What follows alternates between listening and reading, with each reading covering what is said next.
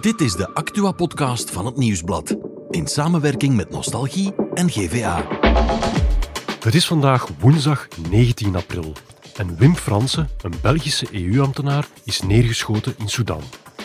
Colruyt verkoopt Dreamland en Dreambaby. En Kalmthout start met een paardenbloem challenge. Maar met de insider van vandaag hebben we het over Olivier van de Kastelen, de Belg die vastzit in Iran.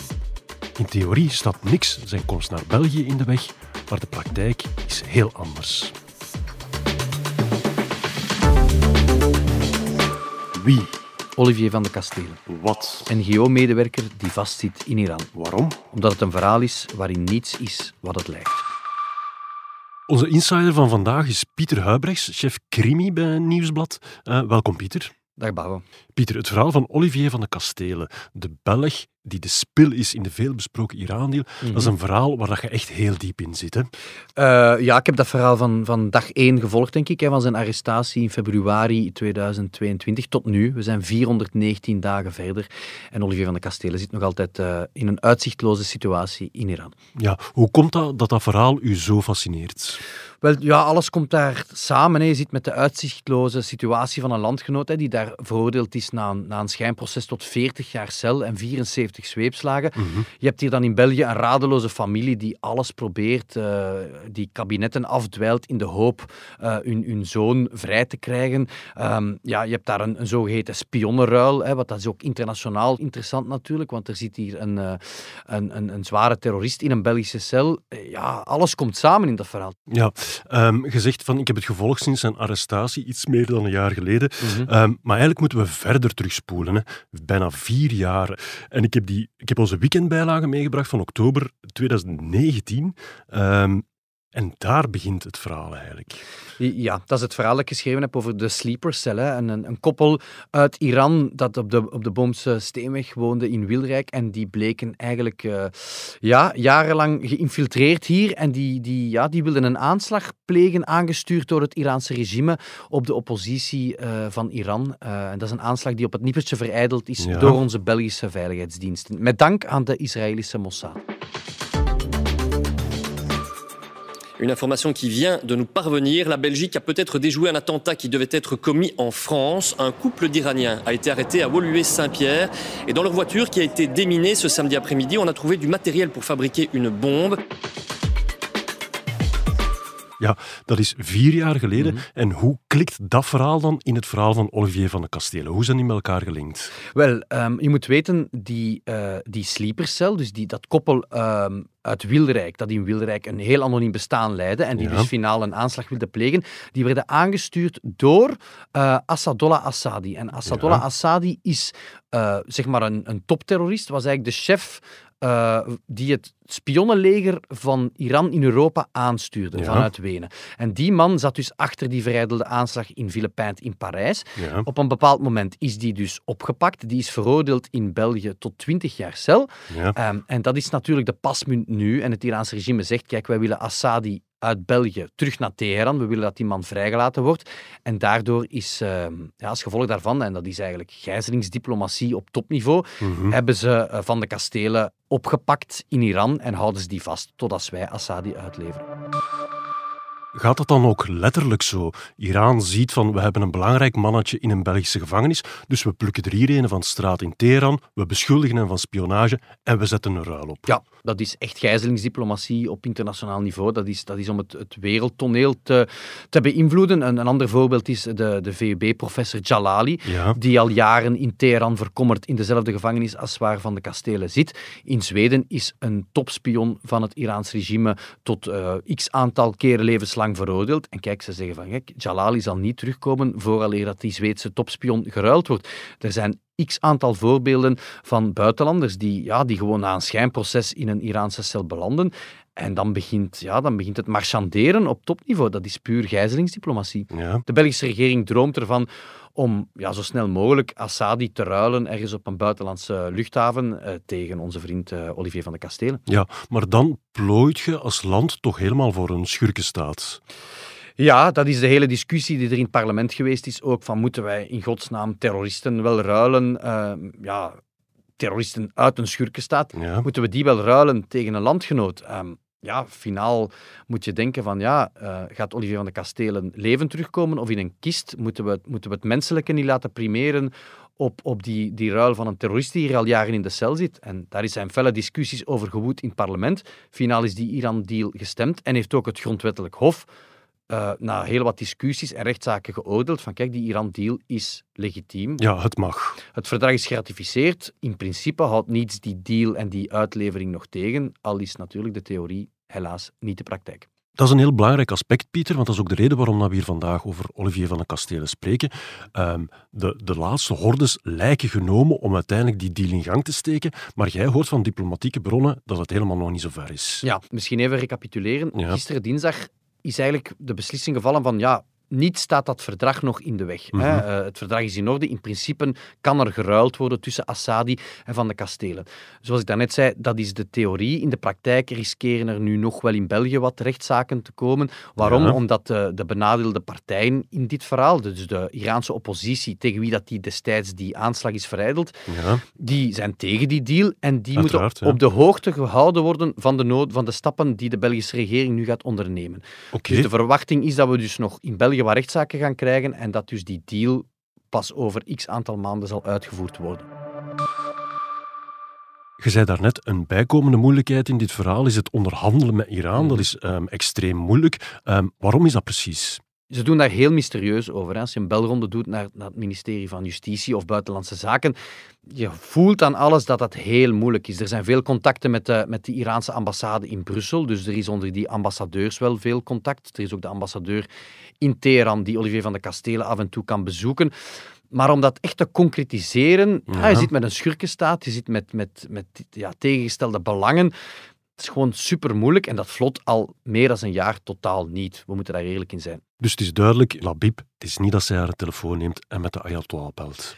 Nee, ik denk dat er weinig mensen in de wereld zijn die, die eh, rechtstreeks met de Ayatollah kunnen bellen. En mevrouw Labib behoort daar absoluut niet toe. En het ja, het toont alleen maar aan dat het een heel complex, dramatisch, moeilijk diplomatiek verhaal is.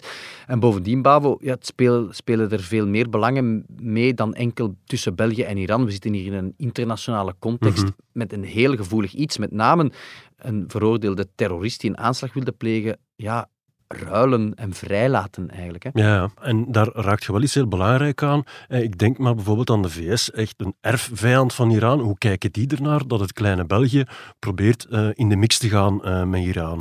Ja, dat, dat, dan zit je met het internationale kader. De- VS is tegen die Iran-deal. hè. Je moet Mhm. weten, destijds die, eh die sleepercel die die aanslag wilde plegen in Villepinte, nabij Parijs. Ja, de eh, toenmalige burgemeester van New York, eh, Rudy Giuliani, hè, destijds de, de rechterhand van Trump, democracy, human rights, a non-nuclear Iran. die was daar ook aanwezig. Dus het was echt de bedoeling om, om op het internationale kader eh, dood en verderf te stichten, dat dat, dat dat op wereldniveau conflicten gaat. Dus de VS is radicaal tegen. En ik kan me niet van de indruk ontdoen dat de VS zich daar achter de schermen ook wel mee moeit. Ja, ja. En ondertussen eh, is Olivier van den Kastelen nog maar net overgebracht naar de Evin-gevangenis in Teheran. En dan noemt je het Guantanamo van het Oosten. Ja, ik denk dat dat een van de laatste plekken eh, ter wereld is, Bavo, waar jij en ik eh, willen belanden. Mhm. Ja, je hoort alleen maar horrorverhalen uit, uit, uit die gevangenis. Er sijpelen zelden berichten door van hoe de situatie echt is in die gevangenis. Er is wel recent een, een, een stuk van die gevangenis afgebrand na volksprotest. Ja. Maar er is een rapport van Amnesty International van enkele jaren terug, waarin zij eh, anoniem ex-gedetineerden aan het woord laten. En ja, eh, ik denk dat dat samen te vallen valt als eh folterpraktijken, martelingen. Dat is een soort menselijke ontering. Ja, dat is gewoon een horrorgevangenis waar je echt niet wil belanden. Pieter, hoe zie jij dit verhaal eigenlijk aflopen? Ja, op korte termijn eh, zie ik het zeer somber in voor Olivier van de Kastelen. De familie heeft hem kort kunnen spreken eh, na zijn overbrenging naar de gevangenis van Evin. Ja, hij is nog meer kilo's vermagerd. Hij, Ja. hij klaagt over dat hij niet kan slapen s'nachts. Hij kan met moeite nog recht staan van de spierpijn, van de maagpijn. Ehm, ja, het is een, een, voor hem is het een, een onwaarschijnlijke calvarietocht die al Ja. 419 dagen duurt. Je kan enkel hopen ja, dat ze een doorbraak forceren en dat er ja, op diplomatiek vlak toch een, een oplossing gevonden wordt. De Maar- klok tikt. Ja, en je, en je moet ook kijken naar, naar voorgaande. Hè. De- dus de bekendste andere buitenlander die daar in de evengevangenis zit, is Ja. dus die, die Zweedse professor Jalali, hè, die dus aan de VUB, ja. eh, eh, gastcolleges gaf. Die, ja, ik heb het daarnet eens opgezocht, die zit al sinds oktober 2017 Mhm. in Iran vast. Ja. Eh, die is daar tot levenslang of tot de dood veroordeeld.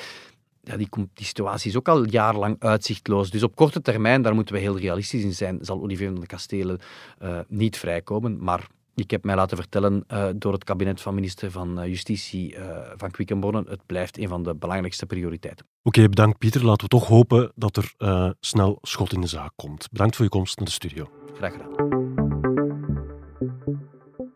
Er is natuurlijk ook veel ander nieuws vandaag en daarvoor is producer Bert eh, mee aan tafel geschoven. Hey Bert. Dag Bavo. Ehm, we beginnen direct met slecht nieuws, want in Sudan is eh, een Belg neergeschoten. Klopt, het gaat om Wim Fransen, een Belgische EU-ambtenaar, een topambtenaar kan je wel zeggen. Iemand die aan het hoofd staat daar van humanitaire missies. Ehm, en hij was al vermist sinds zondagavond. Ze vrezen voor zijn leven, maar hij is nu toch gisteren teruggevonden buiten levensgevaar. Ehm, hij is gevonden in Khartoum in de hoofdstad, eh, Ja. maar daar gaat het al veel langer slecht. Hè? Ja, ja, ja, daar zijn al een tijdje gevechten aan de gang. Men vreest er echt wel voor een burgeroorlog.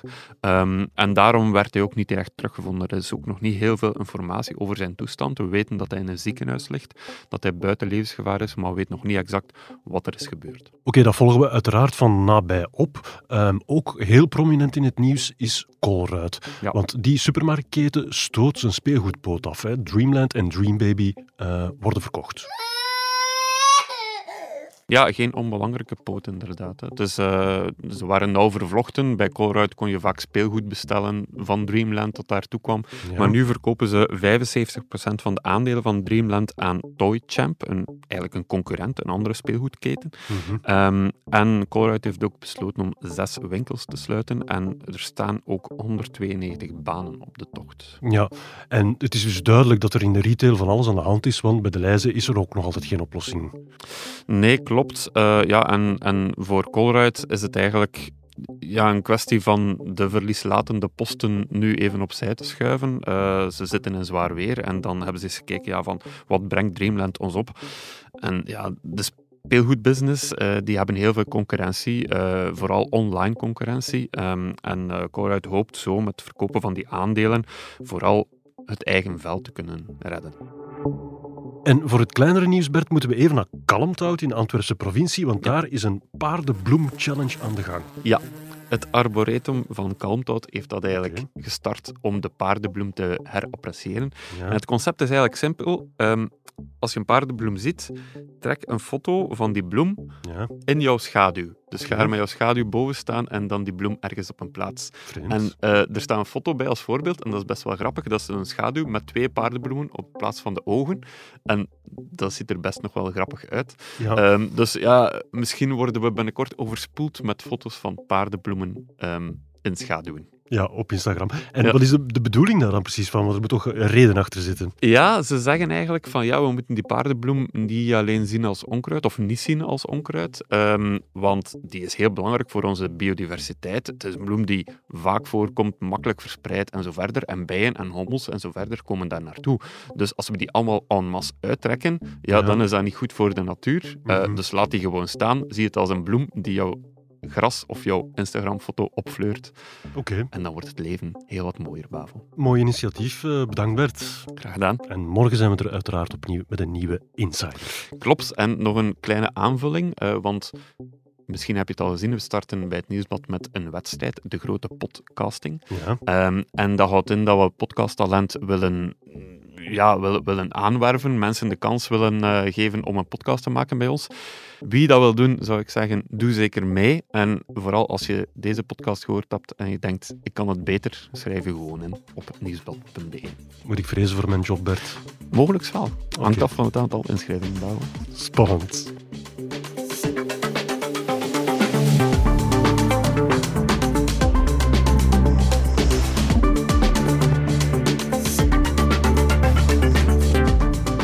Dit was The Insider, een podcast van het Nieuwsblad in samenwerking met Nostalgie en GVA. De muziek is van Pieter Santens. De montage gebeurde door House of Media. Wil je reageren? Mail naar podcast.nieuwsblad.be.